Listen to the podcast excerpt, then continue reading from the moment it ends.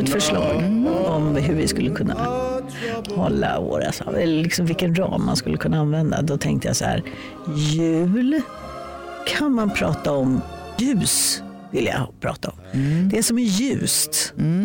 Och sen så tänkte jag nyår kommer ju snart och då är ju vi inte här i podden. Och då tänkte jag nyår, då får vi prata hopp. Och Du tänker inte så? Ja, vad tror du? Ja, jag vill, jag vill känna de där känslorna. Man vill ju det. och ljus. Ja, Men är inte du också, som jag känner ofta, att man är så kluven till julen? Ja. Just av de skälen. Alltså, eh, dels så älskar jag julen som man vill att den ska vara. Och sen blir ju inte julen alltid som man vill att den ska vara. Så är man förälskad i julen i sig eller i den här illusionen av tindrande ögon, eh, solidaritet i familjen, göra saker tillsammans. Och så blir det ju inte riktigt så.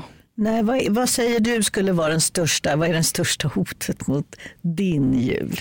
Eh, Ja, det är väl att vi vuxna är så fast i hur vi växte upp med julen. Ja. Eh, Att det skulle vara på vissa sätt. Man skulle få en jultidning varje morgon. Eller varje morgon, på julaftonsmorgon. Ja, en jultidning för att fördröja paketöppnandet några timmar så fick man Jaha. en jultidning med pyssel i. Och när vi sa det till våra barn så tittade de och sa, vadå tidning? Så det var liksom bara att lägga ner. Och sen så ska man ju då titta på Kalle Anka klockan tre och innan dess ska det vara lunchen klockan ett. Och då blir det lite för mycket snapsar. Så att när de vuxna, för det är bara vi till slut som vill titta på Kalle Anka. Ja, jag vet. Eh, Och då har hälften somnat snarkande i sofforna och barnen gör något annat. Så hur man än vänder på det så har man en bild och man har en ambition och till slut är det ändå bara att hänga tillsammans med människor man tycker om. Ja, ja. Så man ofta funderar över varför gör vi inte det oftare? Och Var- Varför ska det till en jul? Ja, och en, en sista grej bara. För när, eh, när vår son Johan dog, då började vi känna, ska man göra något då på julen? Eh, Så vi gjorde till en tradition då att vi gick till, mäss, eller till kyrkan på julaftonsmorgonen. För då gjorde de eh, i ordning krubban. Vi var inte så många där då i början, kanske 15-20 stycken.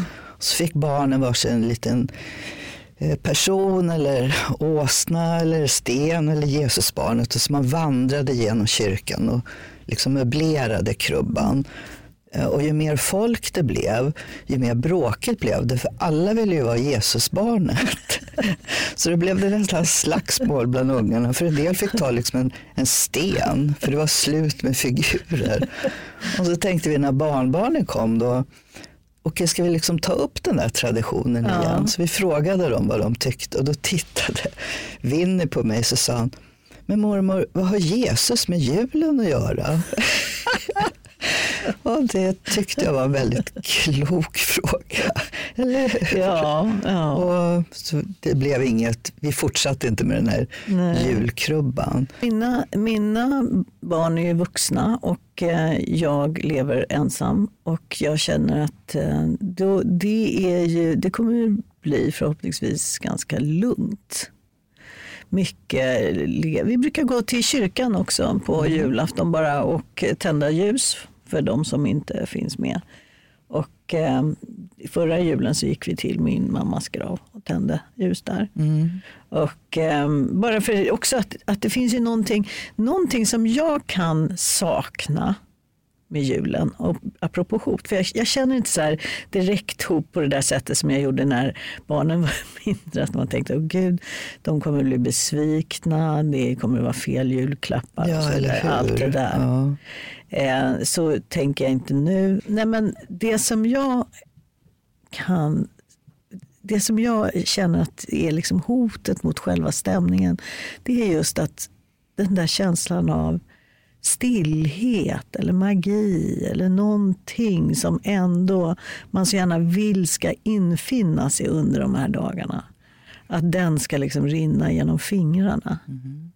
Jag vill så gärna att det här ska vara liksom många tända ljus, lite tv, mycket god mat. Mycket, sådär propp, jag älskar det där fulla kylskåpet som brukar vara på julen. Att man bara går och eh, hittar saker. Man kan liksom gå som en liten sakletare i, sin egen, i sina egna köksenvironger och hittar alltid någonting litet. Och, att, och att det finns, att man liksom lyckas uppnå den där känslan av det är här och nu tar vi ett djupt andetag och så är vi bara l- liksom, då är det bara vila. Jag blir alldeles varm. Nej, men det är så fint. Ja, nej, men Brukar jag, du känna att, att ni når dit i alla ja, fall fast det jag ska stund? säga att hotet är att, att vardag, liksom verkligheten liksom bryter in för tidigt. De här förbannade telefonerna börjar liksom skicka massa meddelanden om nu är det rea eller allting liksom på något sätt. Det är så mycket som bara vill in. Det får inte stanna upp. Det var en sak som jag tänkte på i Berlin som jag tycker är väldigt mysigt egentligen. Det är att affärerna är stängda på söndagar. Är det så? Ja. Jaha. De är stängda på söndagar och då tänker jag också, vad, vad skönt. Även om jag säkert skulle svära en och annan gång naturligtvis. Men det vänjer man sig väl med.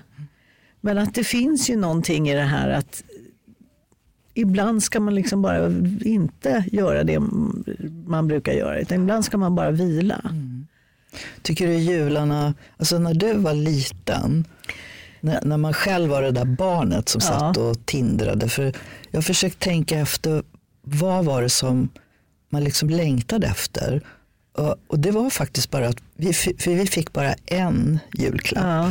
under lång tid. Och den var ju väldigt speciell. Och, och jag älskar den där tanken att det inte bara handlar om vad är nästa och nästa paket och vad får jag av den. Utan att det blir någon slags glädje.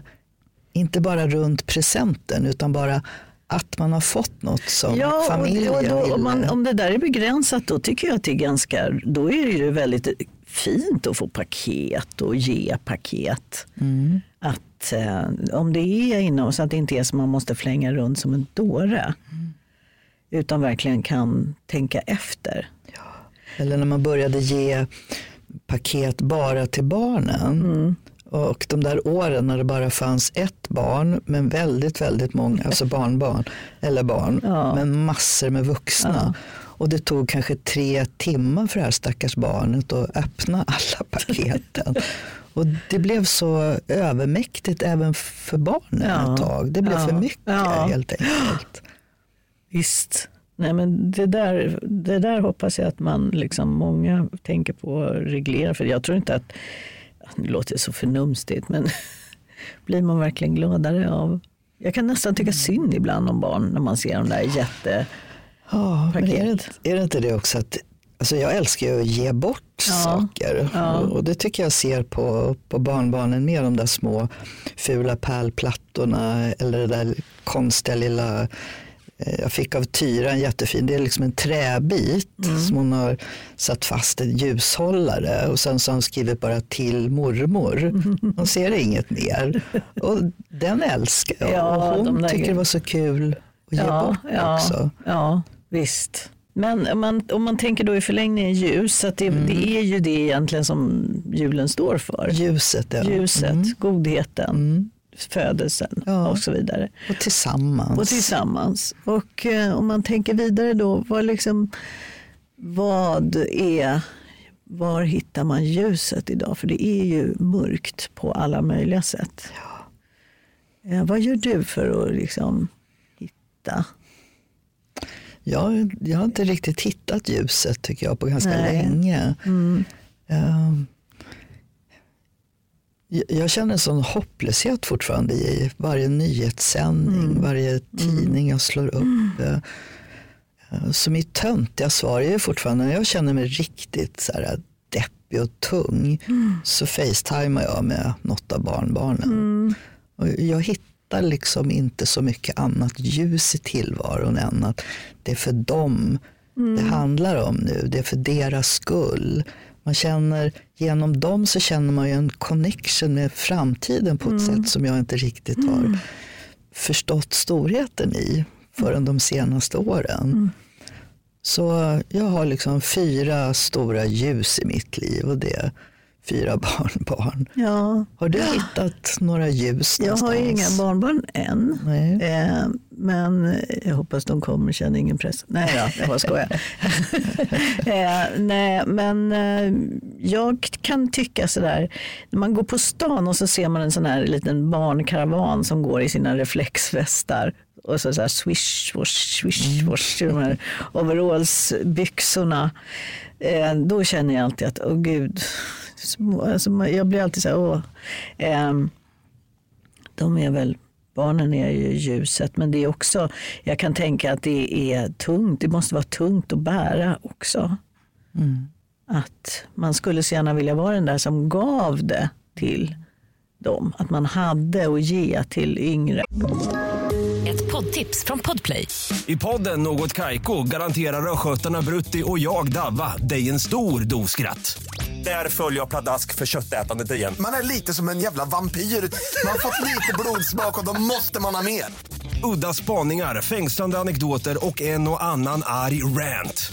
Jag måste ha mitt kaffe på morgonen för annars är jag ingen trevlig människa. Då är du ingen trevlig människa, punkt. Något Kaiko, hör du på Podplay. Därför är gardinerna.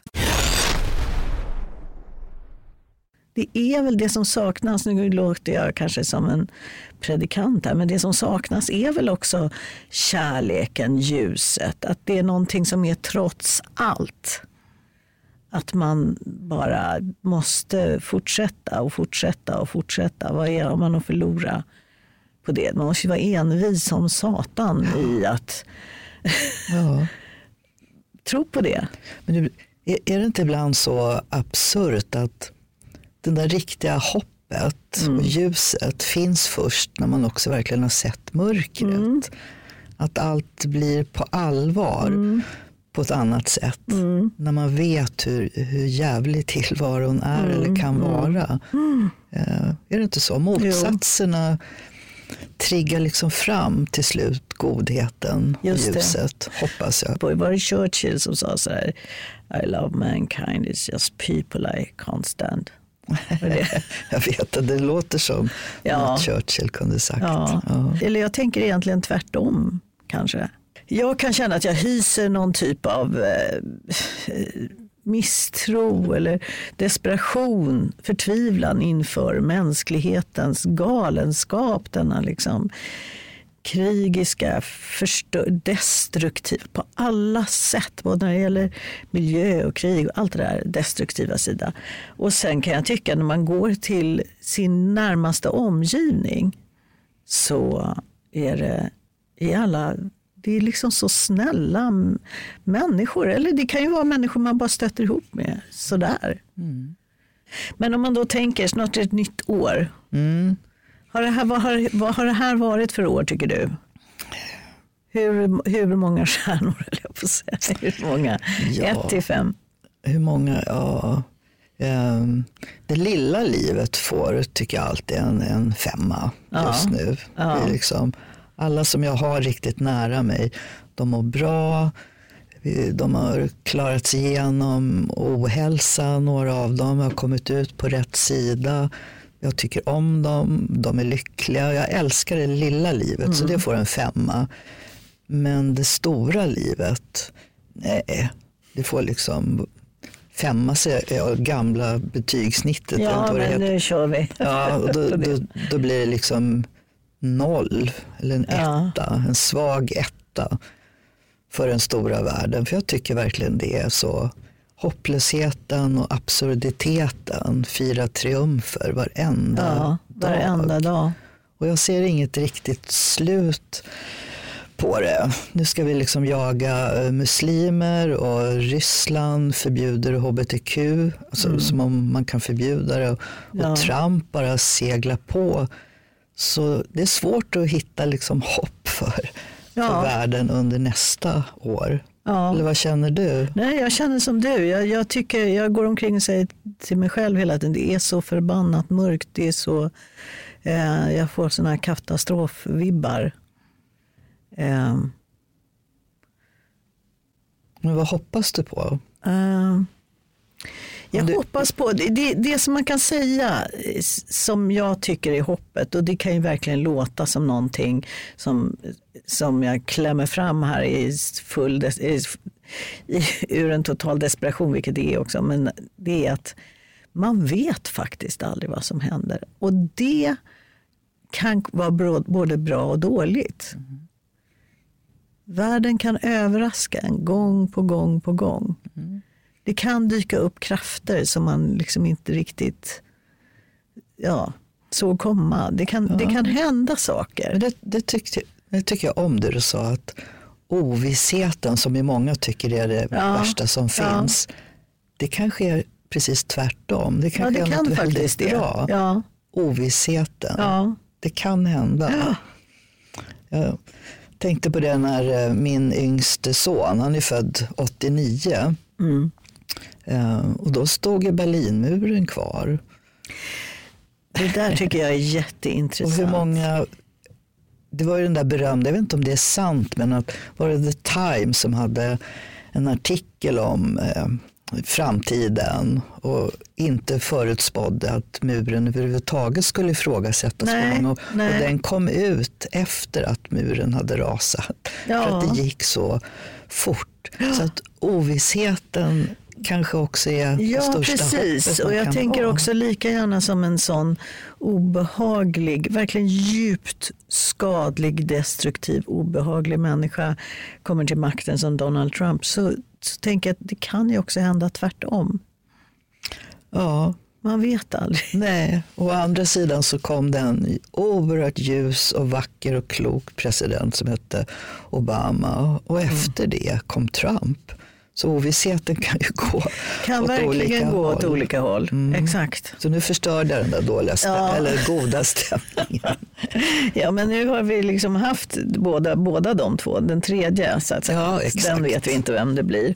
Nej, men sen tänker jag också, nu vi har önskningar om den stora världen sådär att någonting gott möjligen kunde få hända någon gång. Men eh, då, om man då tittar tillbaka till det lilla, nu har vi eh, nyårsafton, man brukar ge löften. Har du någonting som du tänker med dig själv att du skulle vilja bli bättre på, att du skulle förändra? Eh, Ja, jag har ju slutat röka. Annars var ju det, det var verkligen vanliga nyårsönskningen under många år. Eh, Och det fick ju också mig att fundera över att varför är önskningarna om nya året ofta så egoistiska? Så Ja. att det handlar bara om, om mig och mitt. Ja. Eh, Och, och tänker jag på mig själv under nästa år så hoppas jag att jag blir lite, lite modigare på att vara offentligt arg Ja. på saker och ting. Jag har gått under ganska många år och känt den där lite oron över att nej, jag vill inte tillbaks till rubrikerna för att det, det har varit liksom en orokänsla i magen över eh, ska folk återigen ha åsikter om en och tycka att man gör något bra eller något dåligt. Jag vill vara i fred, tyst bort. Men det känns ju ändå att jag borde ta lite mer plats. Jag är arg på alla som alltid, alltid ska hitta lösningar hos andra. Att det alltid, alltid är, ja det är NATO eller nej det är Trump eller det är muslimerna eller det är bögarna. Det är alltid, alltid någonstans, någon annanstans. Och jag är så trött på det. Jag tycker svensk politik är bara full av en massa skambelägganden och, och skuldläggande på andra. Du tror inte på skam och skuld? Nej, jag tror inte på skam och Vad skuld. tror, vad tror du på? Jag tror på den heliga ilskan. Ja. Bara visa, ja, men var arg. Visa känslor. Mm. Pang på. Ja. Tror du på skammen och skulden? Alltså jag tror på skam till en viss gräns, alltså, eller på ett sätt. Vilken typ av skam jag tror att då? det, det finns en bra skam som gör att Ja, men om man känner, om man känner att man liksom vill vräka ur bränsle någonstans så kanske man in, ska känna skam och inte göra det. Det, finns ju, det finns ju någonting som hindrar en från att göra det. Finns Men det, det tycker jag mer är en, en, en, liksom en, en ilska man ska känna då. Att, på, att på sig själv. På sig själv ja, istället Varför för att känna skuld. Ja, nej, men man kan känna ilska. Ja, okej. För känner man ilska, jag känner mig att då, är det, då går det också att göra någonting åt saker och ting. Om man är arg på något så är det per definition något man vill göra annorlunda. Men skammen ofta blir bara, "Åh, varför gjorde jag så? Ja, nej men det, jag, tycker, jag tycker du har en stor poäng i det där att varför ska man bara önska saker för sin egen del. Jag är väldigt mycket för sådär att jag brukar, ja då ska jag börja träna ordentligt och sen ska jag inte äta onyttigt. Alltså sådana saker, det är Mm. jättefånigt. Vad vill du önska då? Jag, jag tycker att det låter bra det här att man, att man ska försöka göra mer för andra. Eh, och att, mm, ja, ja, man kan ju inte förändra världen som sagt, men man kan eh, i alla fall se till att försöka dra sitt strå till stacken. Jag önskar att jag eh, ska vara en mer generös och omtänksam person. Men du med dina böcker, och, och, alltså du, du drar ju en hel myrstack, även om du inte tror det, bara genom det du skriver och den människa du är. Gull. Nej, men jag Det menar det. också. Ja, men det ehm, Men jag tänker också du behöver bli lite mer så här arg ibland. jag Och behöver nog mer ilska, det Ja. har du rätt i. Och jag tänkte Och att det du ska kan få jag en... faktiskt tänka. Ja, förlåt. Nej, kör på. Nej, men det har jag faktiskt tänkt på på senare tid. Varför är jag så? Jag, borde bli, jag, är, så, jag är egentligen väldigt arg. Mm. Jag går ibland och tänker så här, nej, jag skulle vilja skälla ut någon. Jag skulle vilja skälla ut hela världen. Så kan jag tänka. Ja. Jag skulle verkligen vilja skälla ut hela världen. Ja, men kör Alla på. Go for it Helena. Ja, ja. Alla förbannade Ja. idioter till makthavare. Destruktiva skitgubbar. Men ibland så ska ilskan också bottna i att man verkligen vet saker som man vill berätta. Mm. Ja. Och då tänkte jag jag ska ge dig en julklapp. Och Först tänkte jag att man skulle göra något lite så löjligt men sen kom jag på för att hjälpa dig att bli ännu mer förbannad så ska du få En en... voodoo-docka. Nej, ja men gud vilken bra idé. Nej, jag var lite mer seriös och tråkig. Du ska få en prenumeration på tidningen Expo av mig. Men Har du den? Nej, det har jag inte. Och för lyssnare som inte vet vad Expo är så ja, många har kanske läst eller sett filmen om Millennium om Lisbeth Salander och Micke Blomqvist som löser världens problem. Och den som skrev de böckerna hette ju Stig Larsson. Och eh, i, i de böckerna så jobbar Micke Blomqvist på en tidning som heter Millennium. Det är därför man kallar det Millennium-serien. Men på riktigt så startade Stig Larsson tidningen Expo. Eh, som ja, var en föregångare i att verkligen ta reda på hur ser extremismen ut? Vilka är de? Varför tycker de som de gör? Var finns de? Alltså ett kunskapsbank bara i att inte gömma sig bakom att man inte ser vad som pågår egentligen också i vårt land. Och den tidningen är det bästa. Den ska du få. Så ska du Tack. bli ännu argare. ska jag bli ännu argare. Och jag vet att jag har hört talas om Expo. Var det inte så när den här förfärliga händelsen i eh, Visby? Eh, vad hette hon som, ja, nej, vi behöver inte prata om, om mord och sånt, men det var, hände ju, det var en som eh, utförde ett sorts terrorattentat eh, med en kniv och eh, den personen, vem den personen var, det visste Expo. Exakt, det Och det visste Expo. tycktes inte Säpo alls ha lika stor koll på. Nej, jag har sån, liksom såna egna personliga känslor runt Expo. För, alltså för hundra år sedan innan internet och sånt fanns så fick jag ett brev, handskrivet brev med ett frimärke på. Som man öppnade och så läste jag och det stod ungefär Hej Mona, du vet nog inte vem jag är men jag vet vem du är. Eh, Och har du en aning om hur hotad och hatad du är av nazisterna och, och extremisterna i Sverige? Om du vill veta mer om det så ring. Och det var från Stig Larsson. Ja. Ja. Så att eh, de har alltid varit, liksom vågat det där verkligen att ta reda på vilka, ja. aldrig gömma sig. Nej. Utan, så, ja, så himla viktig. Ja, ja, det är en sån arg. Eh, Jag har också en liten present till dig, men den måste jag hämta. Nej men, har Ja. du en riktig present? Fast en jätteliten.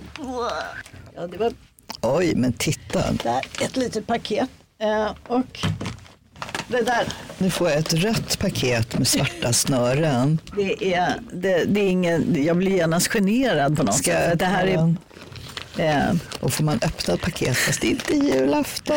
ja det får du. Nej men det där är mest, det är lite på skoj Mona. Det är liksom, Ska du förminska här, Ja, jag blir presenten innan nervös. ens har sett Ja. vad det är? Sluta.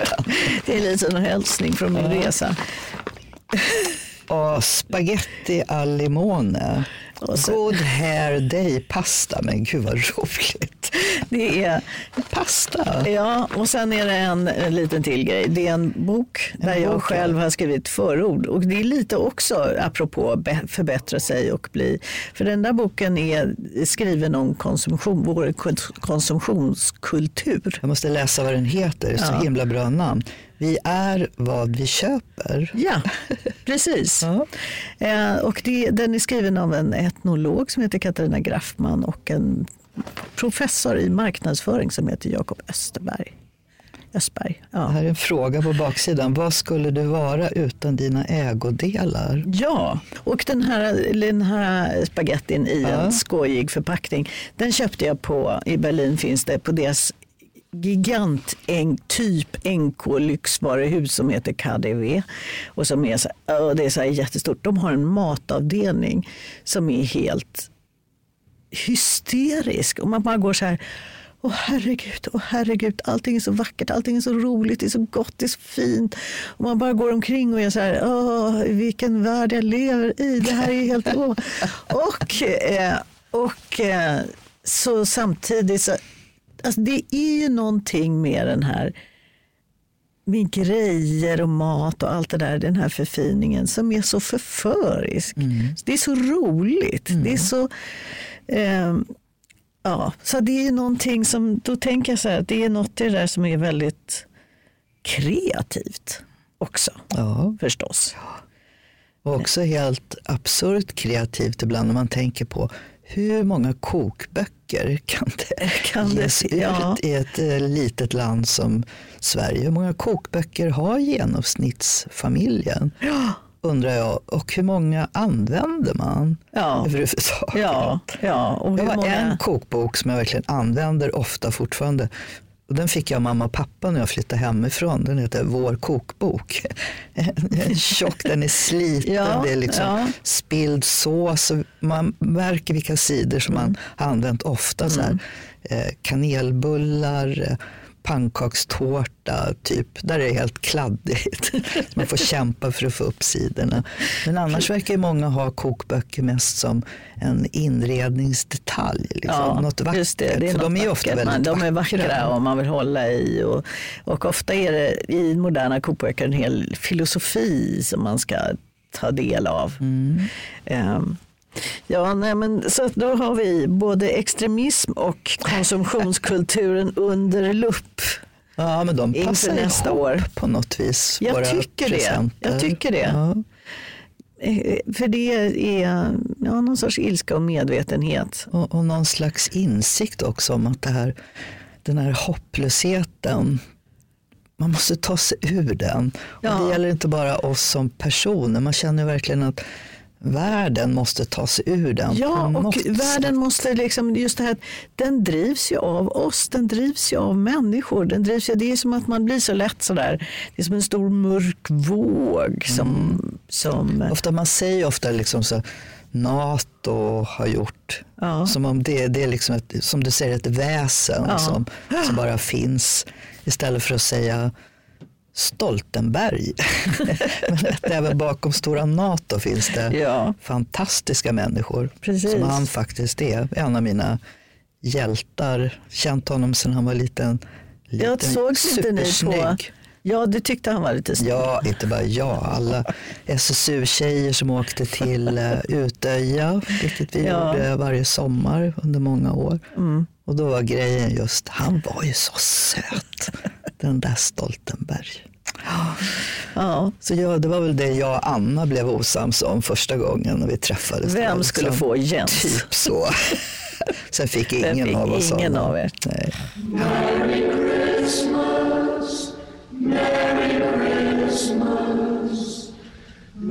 Ja,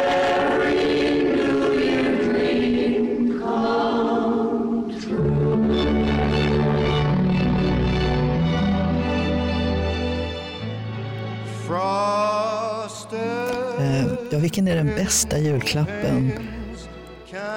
Det jag tänker på först bara, det är ju första gången jag fick ett stort dockskåp. För innan dess så hade inte mamma och pappa haft råd, så då, då gjorde mamma dockskåp till mig av flanell. Alltså ett, en platt. Jag fattar. Ja, så hade hon klippt ur då sängar som man satte upp. Det var ju jättefint, men man var ju så besviken. Mm. Och sen när jag var nio, åtta år typ, så fick jag det där riktiga dockskåpet med typ bara en stol, en lampa och en matta i. För dockskåpet var ju inte lika dyrt som alla möblerna kom att kosta. Men det minns jag, den där lyckan. När han bild på mig själv, jag hade fått gå och permanenta håret på morgonen. Så jag hade såna, du vet, tantlockar. Och så sitter jag jättelycklig med det här dockskåpet. Och den får jag fortfarande sån här. Du hade gjort precis som den här flickan i, eh, i Tomtarnas julverkstad Ja. som får se på spindeln. Exakt så. jag förstår inte, jag, jag tyckte jag var jättefin, jag ser ju inte klok ut. Men det är nog min lyckligaste julafton. Stunden när pappa kom in med det där jättepaketet Ja. som man ju förstås såg direkt vad det var. Så. Och du då, har du något minne? Jag försöker verkligen febrilt tänka efter vad jag blev gladast för som barn. Jag kommer inte ihåg någon speciell grej sådär. Jag kommer ihåg att jag en, en jul när jag var vuxen däremot fick en, en, eh, ett, ett örngott som en av mina söner hade gjort. Den var inte så stor då. Alltså det stod Helen och ett hjärta på vad han gjort i skolan. Då blev jag faktiskt glad så jag började gråta. För att eh, det var så det var liksom precis en sån tid när jag behövde ett sånt, en sån kudde och ett sånt hjärta. Ja, ibland är ju hoppet Ja, väcks av små saker. Det behöver inte vara stora verkligen. dockskåp. verkligen. Nej. Poddtips från Podplay. I podden Något Kaiko garanterar östgötarna Brutti och jag, Davva, dig en stor dos skratt. Där följer jag pladask för köttätandet igen. Man är lite som en jävla vampyr. Man har fått lite blodsmak och då måste man ha mer. Udda spaningar, fängslande anekdoter och en och annan arg rant. Jag måste ha mitt kaffe på morgonen för annars är jag ingen trevlig människa. Då är du ingen trevlig människa, punkt. Något Kaiko, hör du på Podplay. Därför är gardinerna. Den värsta presenten då? Har du fått någon där du verkligen blev sur? Ja, men det var en födelsedagspresent. Det fick jag av en kille. Så fick jag en, en, när jag fyllde år så fick jag en sån stor sophink. Den var ju så här designad, jättesnygg design tyckte han. Men jag vet att jag, då började jag också gråta faktiskt, fast det var en annan anledning. För jag tyckte att jag, hela vår relation var sån att jag skulle liksom, ja det var någonting som bara klack till. Eh, ja. Det är, faktiskt, det är faktiskt den enda present jag har fått som jag verkligen har blivit sådär, nej.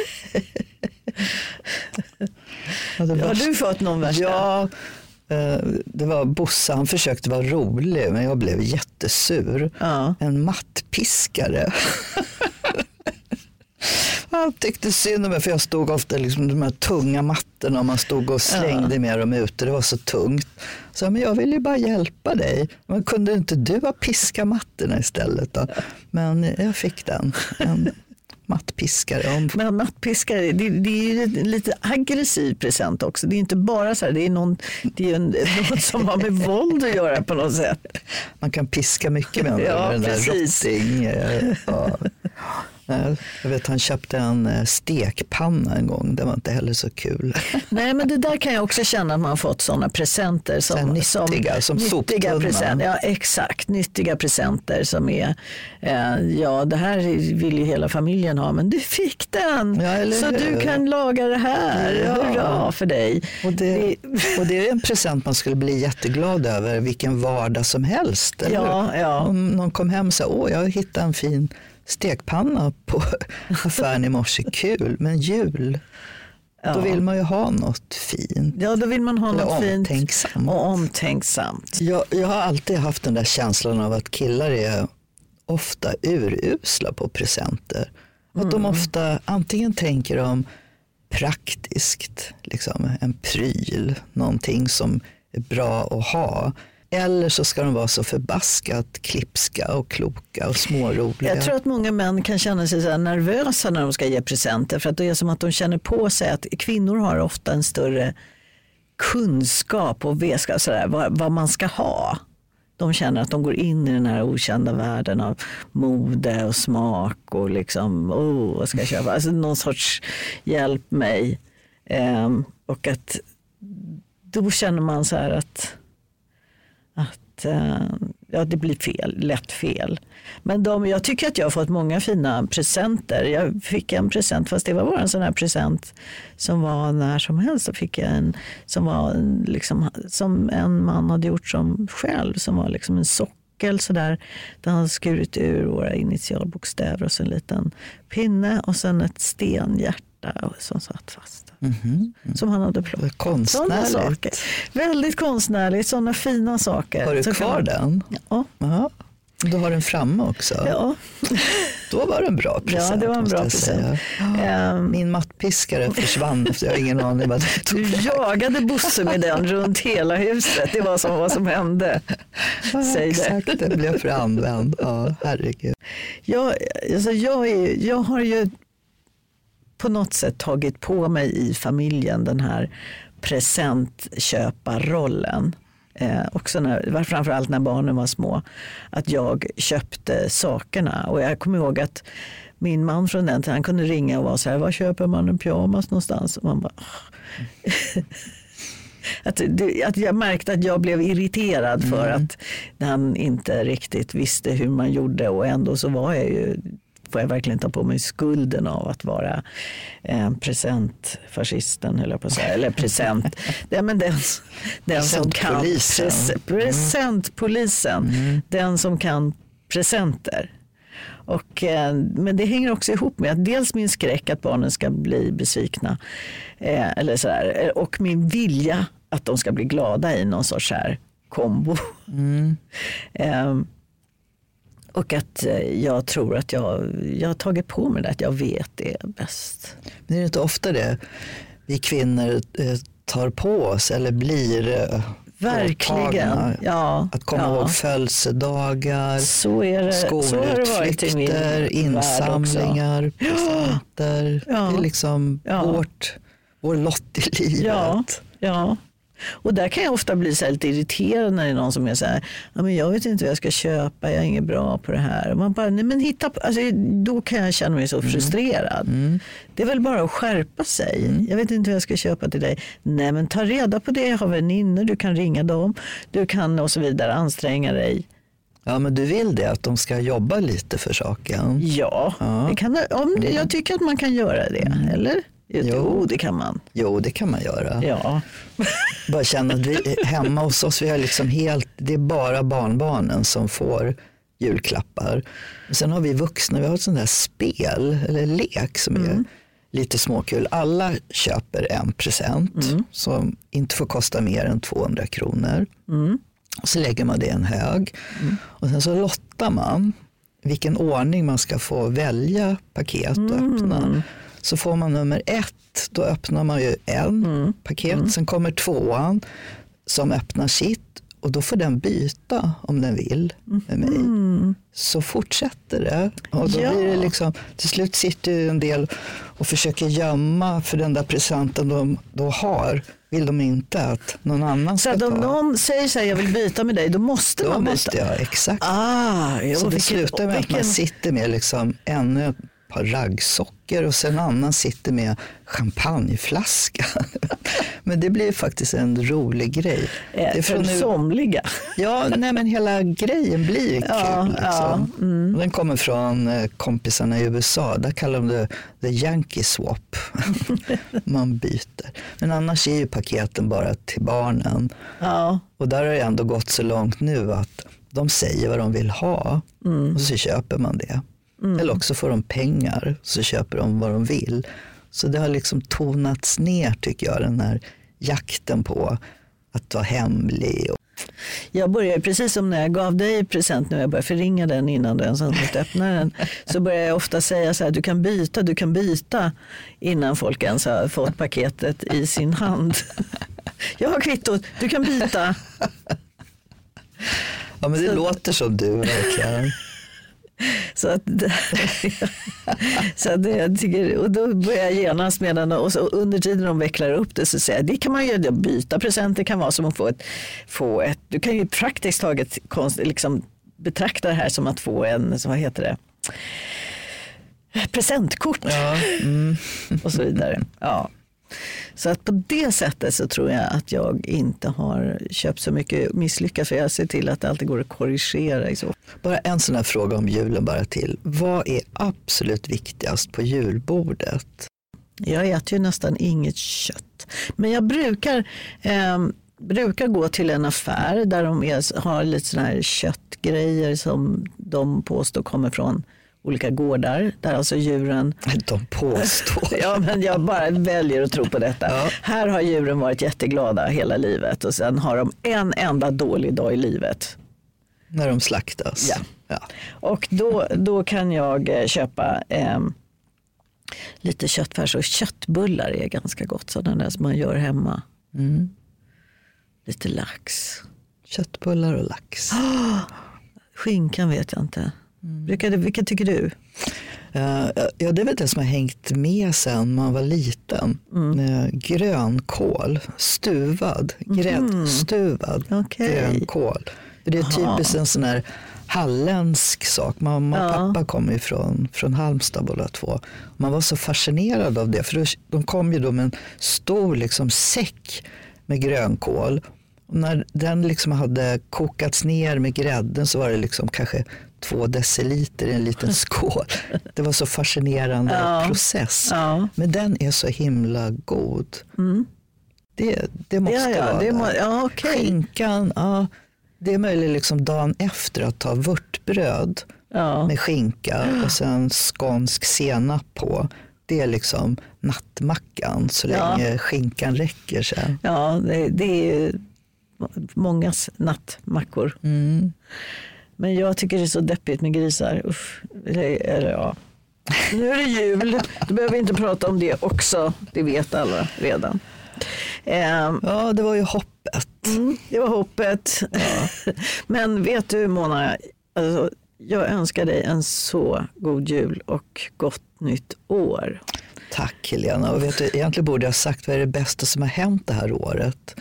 Ja, men det är väl alla våra timmar tillsammans. Alla våra timmar våra tillsammans lyssnare. och att jag har lärt känna dig. Ja, så supergrattis till att du finns Hurra för i oss. mitt liv nu. Ja, och detsamma. God, god jul. God jul.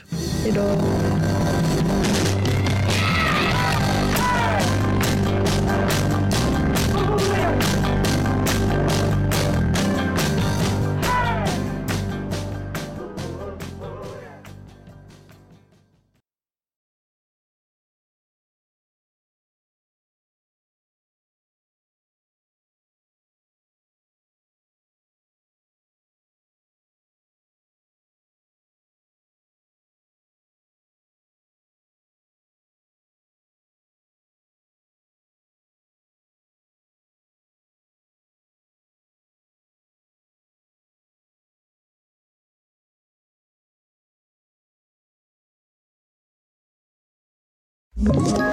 Ett poddtips från Podplay.